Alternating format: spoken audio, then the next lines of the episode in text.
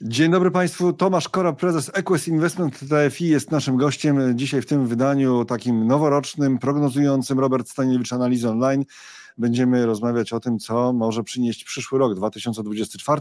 Naszą rozmowę nagrywamy 19 grudnia 2023 na kilka dni jeszcze przed świętami 12.31. Mówię o tej godzinie wręcz, bo gdyby coś się wydarzyło na rynkach o 12.50, to w tym nagraniu tego nie będzie. Wybaczcie, ale mam nadzieję, że mimo wszystko e, ta szerokość spojrzenia i głębokość analizy e, Tomasza Koraba wystarczy, żeby ten materiał się nie zdezaktualizował w czasie świątecznego obżarstwa czy nieobżarstwa, świątecznych spacerów i żeby był aktualny tuż po świętach, prawda? Tak? Liczymy. Na to liczymy. Na to jest liczymy. taka szansa, że będzie. Jest taka szansa, rozumiem, że będzie.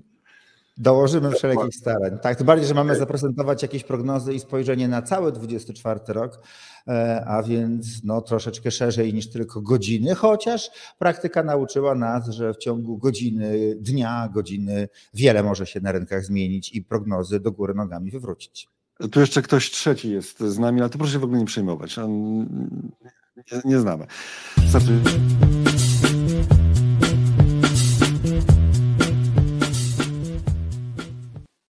Tomasz Chora, prezes Equest Investment TFI, Robert Stanilewicz, analiza online, prognozy na 2024 rok i od razu zaczynamy, proszę Państwa, od przestrogi. Tak, obligacje 2024 ku przestrodze. Dlaczego w ten sposób?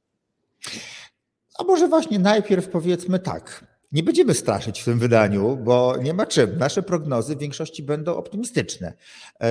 Niemniej a nawet, a momentami nawet bardzo. Niemniej w przypadku funduszy obligacji wydaje mi się, że to jest dobry moment, zwłaszcza po wydarzeniach roku 21, 22, teraz trzeciego, żeby zastanowić się, czy aby na pewno wszyscy rozumieją wszystkie mechanizmy, które stoją za stopami zwrotu, które generują fundusze e, obligacji e, i czy aby, zwłaszcza, że też słyszymy często komentarze właśnie, że obligacje, obligacje długoterminowe są dobrym wyborem, napływy do funduszy obligacji wydają się potwierdzać, że inwestorzy w to wierzą.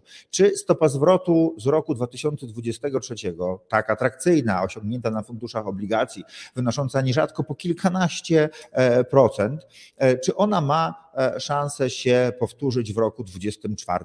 Moim zdaniem nie. Moim zdaniem nie. Na czym opieram, na czym opieram to swoje zdanie? No, trzeba wiedzieć, z czego się bierze stopa zwrotu tego funduszu obligacji. Przede wszystkim bazą, taką bazą i podstawą do niej jest rentowność obligacji skarbowych tego, co fundusz w portfelu ma.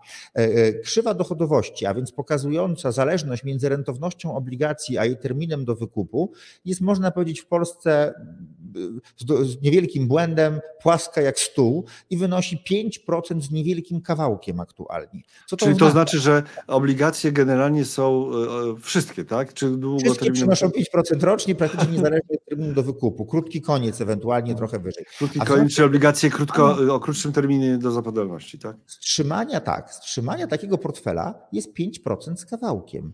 I to jest oczekiwana stopa zwrotu z funduszy obligacji na przyszły rok i niech każdy sobie oceni, czy to mało, czy dużo. Teraz odchylenie od tego poziomu będzie zależało od tego, co się stanie z cenami, czyli rentowność samego trzymania, z tego, że upłynie rok, że skończy się rok 24, to zainkasujemy stopę zwrotu za 24 rok i ta oczekiwana stopa zwrotu to jest 5% z kawałkiem, minus koszty ewentualne funduszy, jeżeli kupujemy przez fundusz.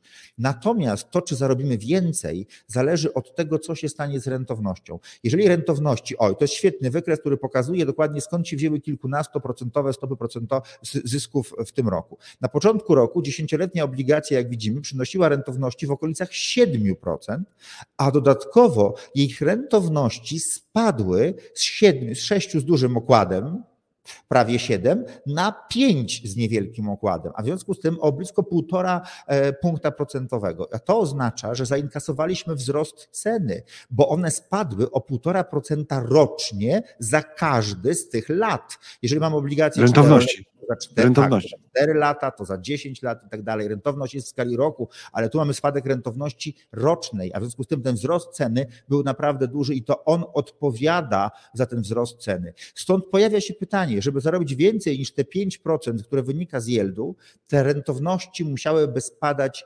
dalej kiedy mogą spaść rentowności polskich obligacji skarbowych e, e, więcej. Zależy to moim zdaniem od dwóch czynników, głównie w tej chwili.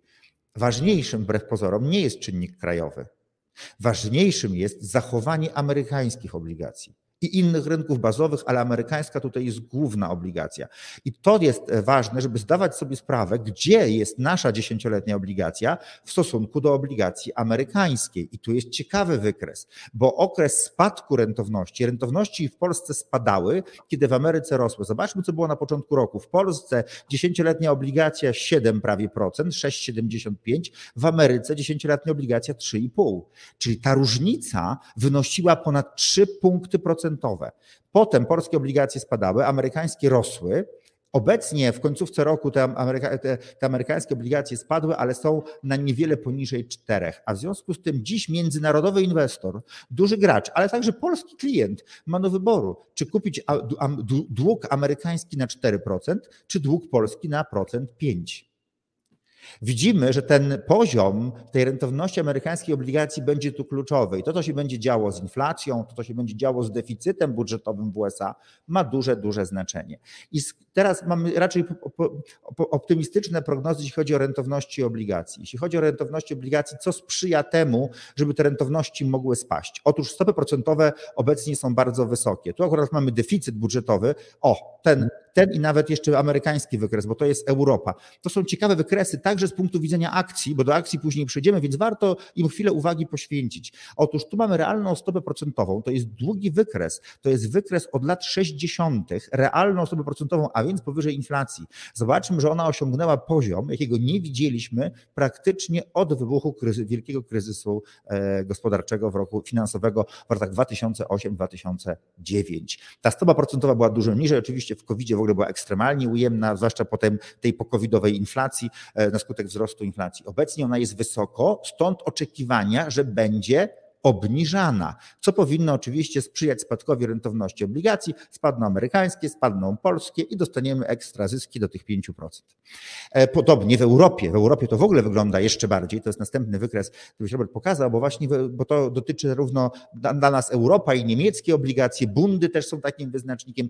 I zobaczmy też jako ciekawostkę z kolei już dla rynku akcji, jak bezprecedensowy mamy wzrost stopy realnej w Europie. Ona wyszła niewiele ponad zero, ale zobaczmy, jak bardzo długo była ujemna, jak ekspansywną politykę fiskalną prowadził Europejski Bank Centralny. Oczywiście wiemy o kryzysie zadłużeniowym Grecji, państw południa i tak dalej. Praktycznie od roku 2008 w Europie mieliśmy ujemną stopę procentową. To oznacza, że stopa nominalna Europejskiego Banku Centralnego była niższa niż bieżąca inflacja, bardzo ekspansywną politykę i zacieśnienie, jakiego nie widzieliśmy praktycznie nigdy tak duże zacieśnienie, ono się nie ujawniło w gospodarce jeszcze. Ono jest potencjalnie zagrożeniem dla rynku akcji, szansą dla obligacji, jeżeli inflacja będzie spadała w dół.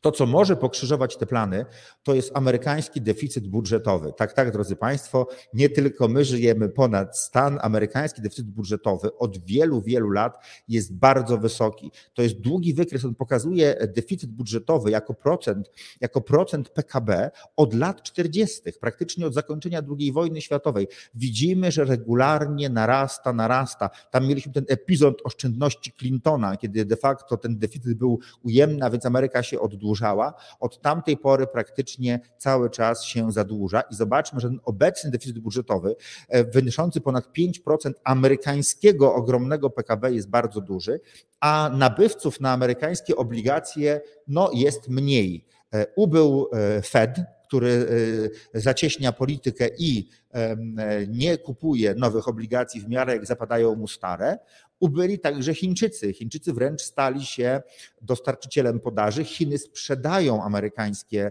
e, obligacje.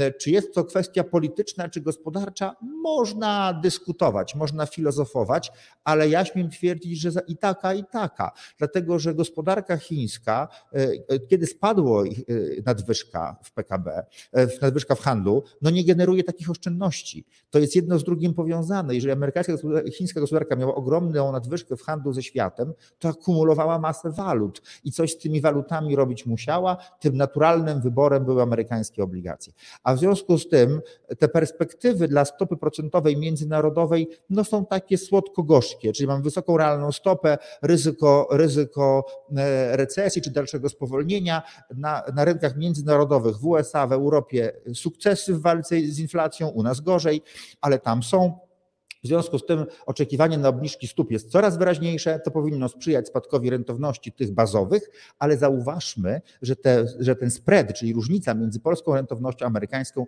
się bardzo zawęził. W związku z tym nawet dalsze spadki tej rentowności amerykańskiej na tak duże spadki polskich rentowności przekładały się nie będą. Do tego okay. dojdzie polska stopa procentowa, która tak bardzo nie powinna być obniżana. Skracając, weźmy nie powinna być. To, mhm. weźmy pod uwagę to, skąd się bierze rentowność obligacji. Ja nie przewiduję strat na obligacjach w przyszłym roku. Oczywiście, gdyby rentowności rosły, a ceny spadały, one mogłyby się pojawić, ale jest naturalna poduszka, te 5% z kawałkiem to jest aktualne oprocentowanie, to fundusze dostają. Jeżeli klienci liczą na to, że będzie znowu kilkanaście, ja śmiem twierdzić, że nie, w związku z tym, żeby się nie rozczarowali. Okej, okay, ale, ale, ta, ale, ta przestroga, ale ta przestroga dotyczy całego rynku długu.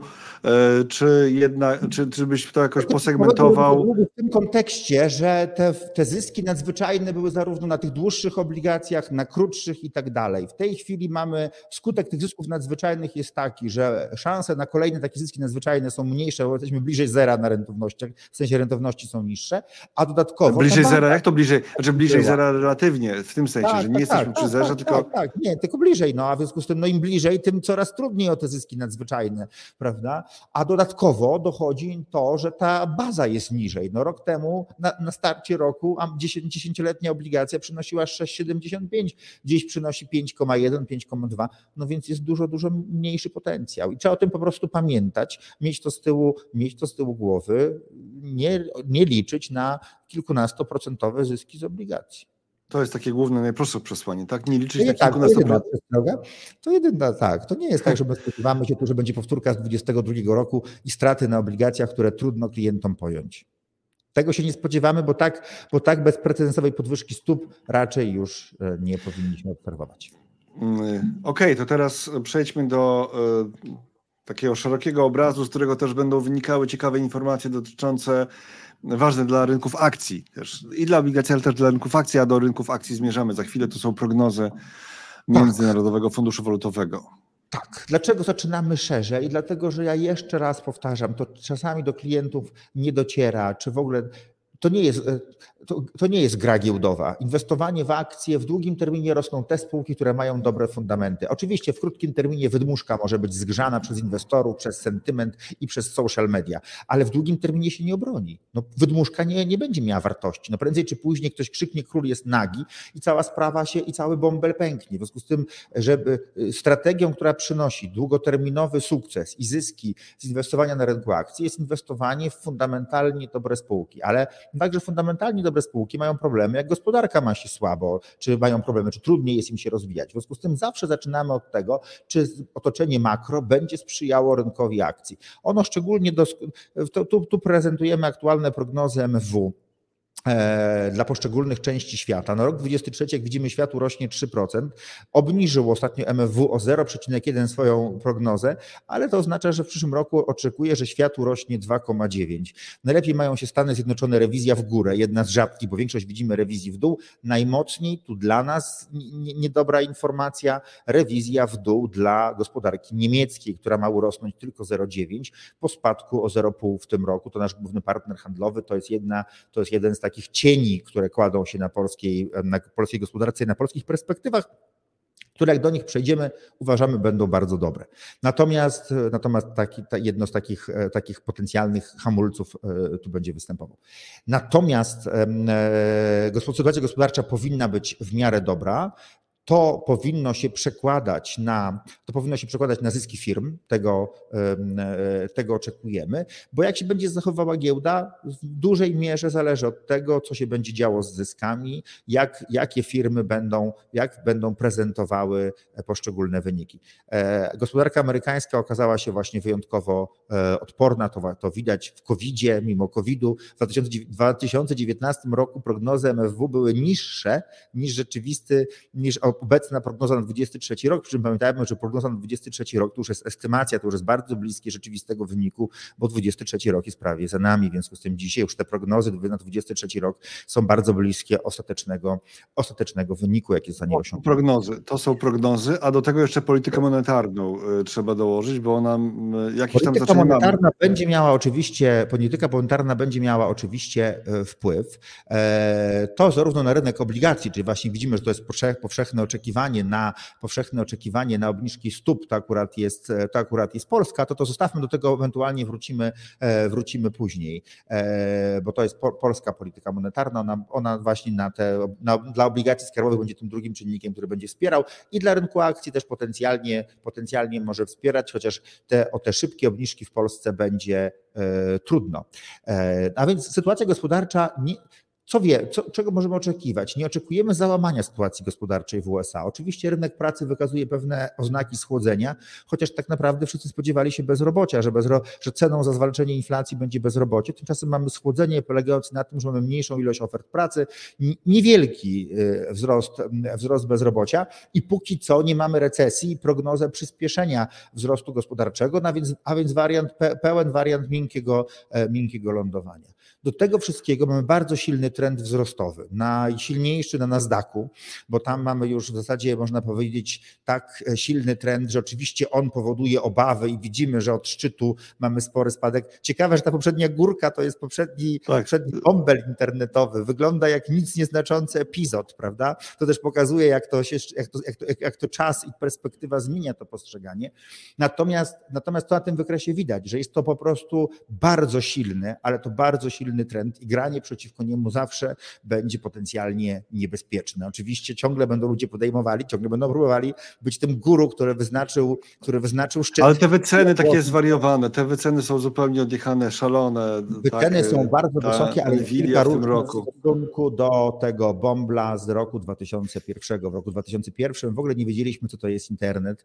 Ja wtedy już pracowałem, miałem dwa lata doświadczenia jako makler i w zasadzie pamiętam, co się wtedy działo na giełdzie. Słowo internet internet, stronę internetową spółka otwierała i drożała o 30%. E, co wiemy, żadnego takiego przełożenia jeszcze wtedy nie miało. Dziś już ma większy e-commerce, ma dużo większe znaczenie, ale to wszystko było. Tak, wtedy, to, to, wszystko to dzisiaj już działa. To, to wtedy były marzenia i plany i nie było pieniędzy. Dziś za, za, za tym wzrostem sto, stoi sztuczna inteligencja, stoi AI, przy czym jedna jest różnica. W AI dominują firmy, które siedzą na ogromnej forsie. To nie są wydmuszki, tylko dominują ci najwięksi giganci, którzy mają wielkie pieniądze i są w stanie je inwestować. I w tej chwili z każdym kolejnym kwartałem dostajemy więcej informacji, przyspieszenie mocy obliczeniowych, kolejne zastosowania. Myślę, że w kolejnym roku, w kolejnych dwóch, trzech latach no, czeka nas prawdziwa rewolucja w każdym obszarze naszego życia, w zakresie medycyny, sztuki, w różnych, w różnych, w różnych e, miejscach. No i to oczywiście ma jakieś przełożenie. Oczywiście, że te wyceny są wymagające, ale właśnie to, na to też zwracamy uwagę, że jest ta ósemka, która dominuje, e, ten Magnificent Eight, które dominuje w amerykańskim indeksie i zobaczmy, że dla nich PDI oscyluje wokół 30, czy nawet wynosiło w pewnym momencie znacznie powyżej 30, teraz trochę się cofnęło. Natomiast cała reszta cała reszta wygląda dość umiarkowanie, czyli ta zielona linia S&P bez tej wielkiej ósemki, dla nich PDI wynosi 16. To jest neutralny odczyt. To nie jest super tanio, to jest po prostu neutralnie. To jest neutralnie. Ale też bym przestrzegał przed patrzeniem historycznie, bo widzimy, że historycznie tu na oko widać, nieuzbrojonym okiem, nie trzeba żadnego wielkiego analityka, analiz. Widać, że kiedyś to było dużo, dużo taniej. To akurat startujemy w roku 12, gdzie to w ogóle było e, tam zaledwie 12, więc widać, że historycznie to było taniej. Ale analizy historyczne mają jedno ograniczenie. One bazują na tym, jak świat wyglądał wcześniej. Natomiast dziś to PIDO-I może być wyższe, w Ameryce może być drogo, znaczy drogo patrząc historycznie, bo jedna rzecz się zmieniła rentowność. Zmieniły się rentowności. Mamy to chyba na kolejnym wykresie przygotowanym właśnie specjalnie, żeby to pokazać, bo to bardzo ważne, bo ktoś powie przecież na, co to, idioci w tym, w tym USA tam inwestują, nie widzą tego. Znaczy tutaj mamy tak, rentowność, czyli marżę, żeby nam się nie pomyliło, żeby się komuś się pomyliło z naszą rozmową o obligacjach. na I, czyli na zysk, to musimy też patrzeć właśnie jak te marże wyglądają. No i tu widać, że ten, ta branża informatyczno-technologiczna, no ona ma rentowności sięgające 25%, czyli na dolarze sprzedaży 25 centów zysku. To, jest, to są marże, no, których historycznie w ogóle nie widzieliśmy. To jest wykres od lat 90. i te marże, a z kolei dla, tradycy, dla, ale dla tradycyjnej gospodarki także rosną, bo komputery, bo internet, bo dostawy online, zmniejszenie magazynów i tak dalej, zmniejszenie zatrudnienia, wiele różnych elementów, wzrost wydajności, to wszystko razem powoduje, że marże firm wzrosły i one wynoszą około 12%. Taka średnia długoterminowa lata 70., 80. była o połowę mniejsza, to wynosiło około 6%. Dlatego dzisiejsze PIDOI i tamtejsze PIDOI to nie jest to samo, bo na tej samej sprzedaży można robić znacznie, znacznie większe, większe zyski. Potencjał wzrostu jest wyższy, wystarczy zwiększyć przychody. Kiedyś zwiększyliśmy przychody o 10%, to był określony wzrost zysku. Dziś przy tym samym zwiększeniu zysk rośnie znacznie mocniej, bo marża jest, bo marża jest, jest wyższa. Po prostu wtedy trzeba było dwa razy więcej e, sprzedać, żeby jak marża była połowę niższa, żeby ten sam zysk osiągnąć. I teraz. Ciągle jesteśmy w Stanach, ciągle jesteśmy w Stanach, tak, ale przejdźmy teraz do takiego krajobrazu. Te Stany już podsumujmy. Perspektywy są gorsze.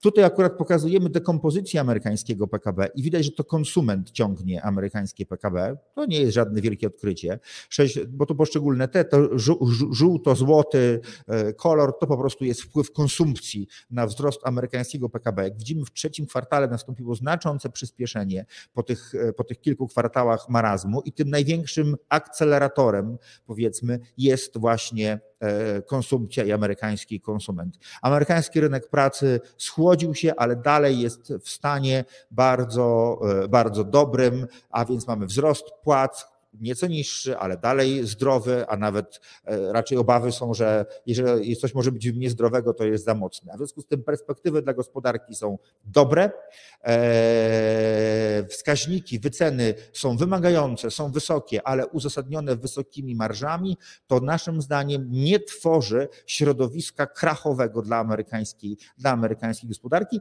a jest to w zasadzie jedyny wariant, który mógłby zagrozić polskim akcjom, co do których, co do których nasze oczekiwania, oczekiwania nasze w Equest są jak najbardziej optymistyczne. Co powinno sprzyjać, co powinno sprzyjać e, polskiej giełdzie? No wiele no już jest, już, wiele mhm, takich czynników. Dobrze, tak. ale to w, takim razie, to w takim razie może dla porządku ja wrócę e, do tych danych, które tam gdzieś przemknęły, a dotyczyły Polski, prawda, wcześniej.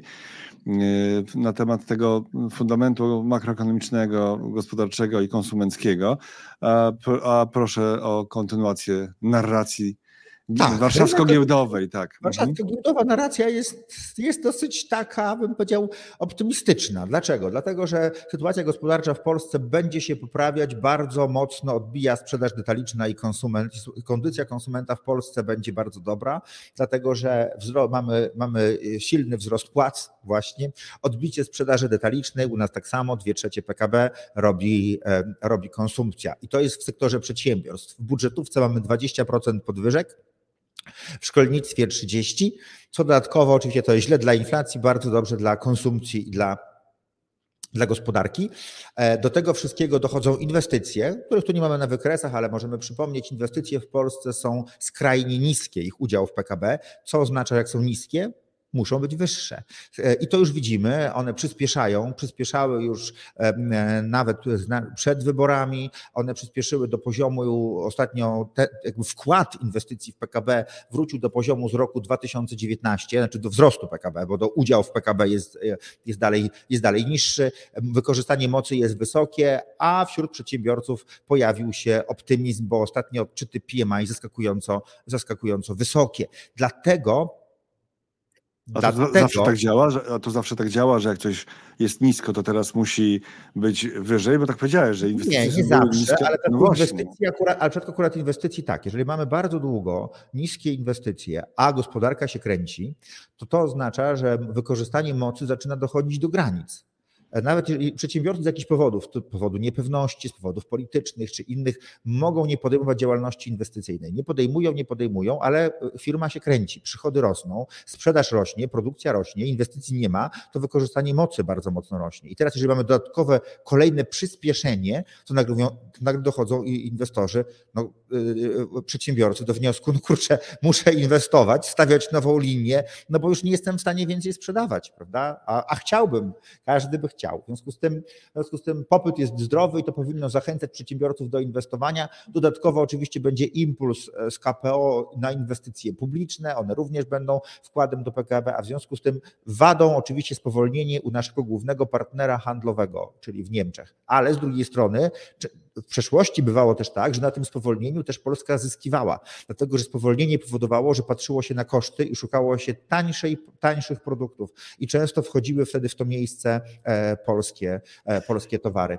E, Wejdźmy głębiej, teraz mamy WIG20 Total Return do SWIG-u 80 Total Return, siła to relatywna. Tak, to widać, że jednak to we SWIG-u jest większa siła lepiej, chociaż oczywiście w ostatnim czasie widzimy tę względną siłę tego WIG-20, co oczywiście wynika z re-ratingu, o którym mieliśmy już okazję kiedyś w analizach tak. rozmawiać. Pewnie na YouTubie można zobaczyć, na czym to polega. Coraz więcej tych banków inwestycyjnych międzynarodowych. Jesteśmy w roku w takim momencie podsumowań. Oczekujemy, że będzie coraz więcej przeważaj dla Polski. Oczywiście, oczywiście poprawa zarządów, e, poprawa zarządów e, w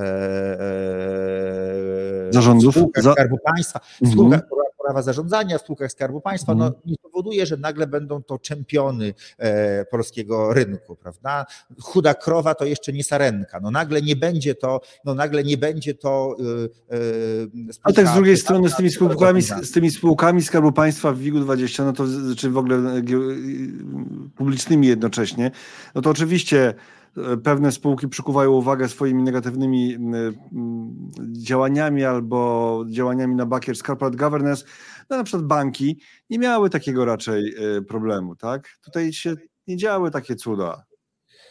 E, no nie działy się, ale też banki miały zagrożenia. Zwracałem uwagę na wszystkie, na wszystkie wakacje kredytowe i na wszystko. No, poprzednia władza zobaczyła, że można tam brać pieniądze za darmo. To było bardzo Ale to już wiadomo, ale to już wiadomo. Dla rynku są ważne. Ja, ja nie mówię tego tak. E, jako, jako element negatywny dla tych scenariuszy, tylko raczej właśnie pozytywny, że być tak, może ale... w tych spółkach nie ma aż tyle rzeczy, które trzeba wywrócić do góry nogami, bo wywracanie do góry nogami zwykle jest no, nieprzyjemne także dla inwestorów. Rynki nie oczekują wracania do góry nogami, raczej właśnie. oczekują właśnie poprawy tego zarządzania, a w związku z tym, no to, ale dlatego dlatego też ta siła relatywna jeszcze przez, przez jakiś może być kontynuowana, niemniej w długim terminie upatrujemy wartości w prywatnych e, firmach. To widać na kolejnym wykresie pokazującym, jak przychody rosną. E, to, to, to, tutaj to, jeszcze, to, tak, to, z kolei, to widać tę siłę Polski, to, to ciekawostka, widać siłę Polski na tle MSCI. Zobaczmy, jak chodzimy, jak chodzimy w parze, praktycznie Polska, to jest długi wykres, bo to jest 20 lat.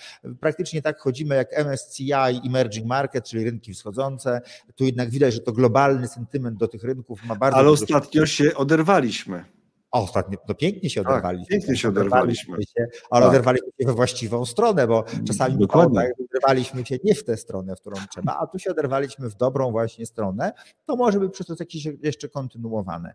Więc to kolejny czynnik pozytywny, bo trzeba mieć Teraz wzrosty, e, wzrosty przychodów, e, na razie przychodów, czyli tej głównej linii e, rachunku zysków i strat. Widzimy, że najmocniejszy jest MWIG, no ale dalej SWIG to jest 95% za ostatnie tutaj 12 lat jest blisko. Natomiast dla, natomiast dla WIG-u 20 to jest zaledwie 39% wzrostu. I jak popatrzymy na zyski no to widzimy, że SWIG zdecydowanie bije ten wzrost zysków jest 228%, więc 228% wzrostu zysków uzasadnia 228% wzrostów e, kursów, prawda, wzrostu wartości, bo e, zyski rosną, e, kupując, czy kupujemy okay. jedną czy całą firmę, kupujemy firmę i kupujemy jej zyski, które są podstawą do cashu, które ta spółka generuje. I puenta dla akcji na 2024 rok. To jeszcze nie jest koniec dobrych wiadomości, bo moim zdaniem będą sprzyjały napływy do funduszy akcji, które zaprzebraliśmy w ostatnich miesiącach. Mamy dwa miesiące napływów. Widzimy poprawę sentymentu inwestorów, także inwestorów giełdowych, ich większą wiarę w lepszą przyszłość i to ma na pewno przełożenie na napływy do funduszy. Na napływy do funduszy ma przełożenie e, rentowność lokat. Na początku roku mieliśmy po 8% w ofertach wielu banków lokaty. To zniechęcało inwestorów do podejmowania trudu inwestowania fundusze, bo to wymaga jednak wyboru tego funduszu, no, wiąże się z ryzykiem, to jest oczywiste i tak dalej. W tej chwili ta lokata jest na poziomie 6. To też będzie sprzyjało temu, żeby szukać. Na początku zjadły nas obligacje, bo e, przyniosły po kilkanaście procent. To, co powiedziałem na początku złego o tych obligacjach, jest dobrą wiadomością moim zdaniem dla akcji, bo właśnie wyższe stopy zwrotu powinny, mogą przynieść akcje. A w związku z tym powinniśmy mieć napływy od inwestorów zagranicznych, od inwestorów krajowych, indywidualnych, a także oczywiście PPK, które jest oczywistym czynnikiem, który napływa. Żeby mieć dobrą sytuację na giełdzie, trzeba mieć dobrą kondycję firm, dobrą sytuację w gospodarce i napływy. Moim zdaniem na 24 rok wszystkie te warunki mają ogromną szansę być spełnione. To jeszcze na deser y, złoto. Złoto według Tomasza Koraba. Dla złoto tak dałem, dlatego że wszyscy o to złoto mnie męczą. E, a ja się. Od razu, od razu ogłoszę pojawienie się podpisu tutaj, który już od razu powie, e, tak, jak w, soczew, w soczewce skupi Twój pogląd. Proszę Państwa, tak. to jest ten podpis. Drodzy Państwo, gdyby ktoś chciał pytać mnie, co będzie ze złotem, to proponuję wybrać się do wróżki rzeczywiście, bo złoto jest trudne do przewidzenia. No staramy się poszukać, my tu w EQS-ie, jakichś wskaźników, które to pokazują. I jest tu jeden ciekawy. Otóż, co pokazujemy na tym wykresie? To jest zależność realnych rentowności obligacji skarbowych amerykańskich amerykańskich i cen złota od lat 70. do dzisiaj. I co widać? R kwadrat jest 0,75, 0,75 to oznacza, że 75% ruchu cen złota można wyjaśnić, można wyjaśnić rentownością amerykańskich obligacji. Tylko uwaga, im bardziej one są ujemne, ponieważ ta zależność jest odwrotna, to im bardziej one są ujemne, tym lepiej dla złota. Tymczasem w tej chwili te rentowności są wysokie i te kropki to widzimy odczyty właśnie za 23 rok w ramce. Widać, że ten 23 rok jest anomalią, bo zgodnie z tym wyjaśnieniem, czyli z tym, że jaką, jaka jest zależność między rentownością, złoto powinno spadać, a nie rosnąć, tak jak tutaj pokazuje, tak jak tu pokazuje e, ta krzywa. Na, powinno być dużo niżej. Natomiast no, oczekujemy, że stopy będą spadały, powiedzieliśmy sobie w pierwszej części. To powinno sprzyjać, to powinno sprzyjać kruszcom. Natomiast dlaczego do wróżki? Dlatego, że właśnie ta korelacja, widzimy, że tyle wynosi, ale to nie jest pierwsza anomalia. Już wcześniej mieliśmy takie anomalie i w szczycie ta korelacja potrafiła wynosić plus 0,8, czyli być kompletnie odwrotna. Dlatego w krótkim okresie i w ogóle to się będzie działo z złotem jest bardzo trudne do prognozowania. Złoto zalecamy jako element dywersyfikacji portfela. W żadnym razie ja bym sobie nigdy nie wsadził wszystkich pieniędzy w złoto, ani w grę na krótko, ani w grę na długo, dlatego że jest to, y, y, jest to mm, e, taki towar, który bardzo, ale bardzo trudno jest przewidywać. Złoto będzie pewnie gorącym tematem, bo wybiło się na szczyty i tak dalej. Oczywiście napięcia geopolityczne, wysoka inflacja, drukowanie pieniądza, to wszystko złotu sprzyja, ale napięcia geopolityczne czy wybuch kolejnej wojny jest praktycznie dla nas nie, nie, niemożliwy do przewidzenia. Ja no właśnie, chciał... dotknąłeś, dotknąłeś tematu takiego, który jest też ciągle w świadomości, że żyjemy w bardzo niespokojnych jednak czasach i ryzyka są. To nawet może nie będą czarne łabędzie, jeżeli się wydarzą, bo jednak e, mamy świadomość pewnych zagrożeń. Nie, nie będziemy, nie będziemy, wszystkich, nie będziemy wszystkich przejść, tak, ale jedno e, pokażemy. Jedno pokażemy, czyli tak, ja chciałem też to pokazać także z takiego powodu, że prezentując optymistyczne prognozy, zawsze trzeba pamiętać o ryzyku. To inwestowanie wiąże się z ryzykiem. Te prognozy, które przedstawiamy, jedno jest pewne, drodzy Państwo no one się nie sprawdzą, te moje prognozy. Ja bym bardzo chciał, żeby one się sprawdziły. Część się być może sprawdzi, ale tak po prostu jest, bo na tym polega, bo na tym polega przyszłość. Ona jest nieprzewidywalna. Oczywiście my, my w EQS-ie, czy w ogóle profesjonalni zarządzający starają się te scenariusze update'ować, dlatego też ten wstęp e, tutaj Roberta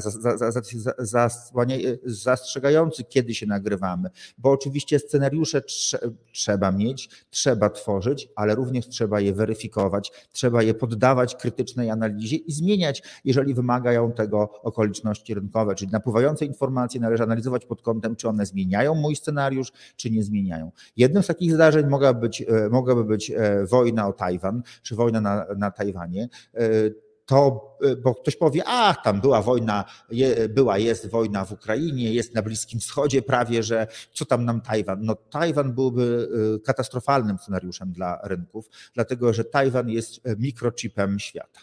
I ta różnica, ta dominacja jest ogromna.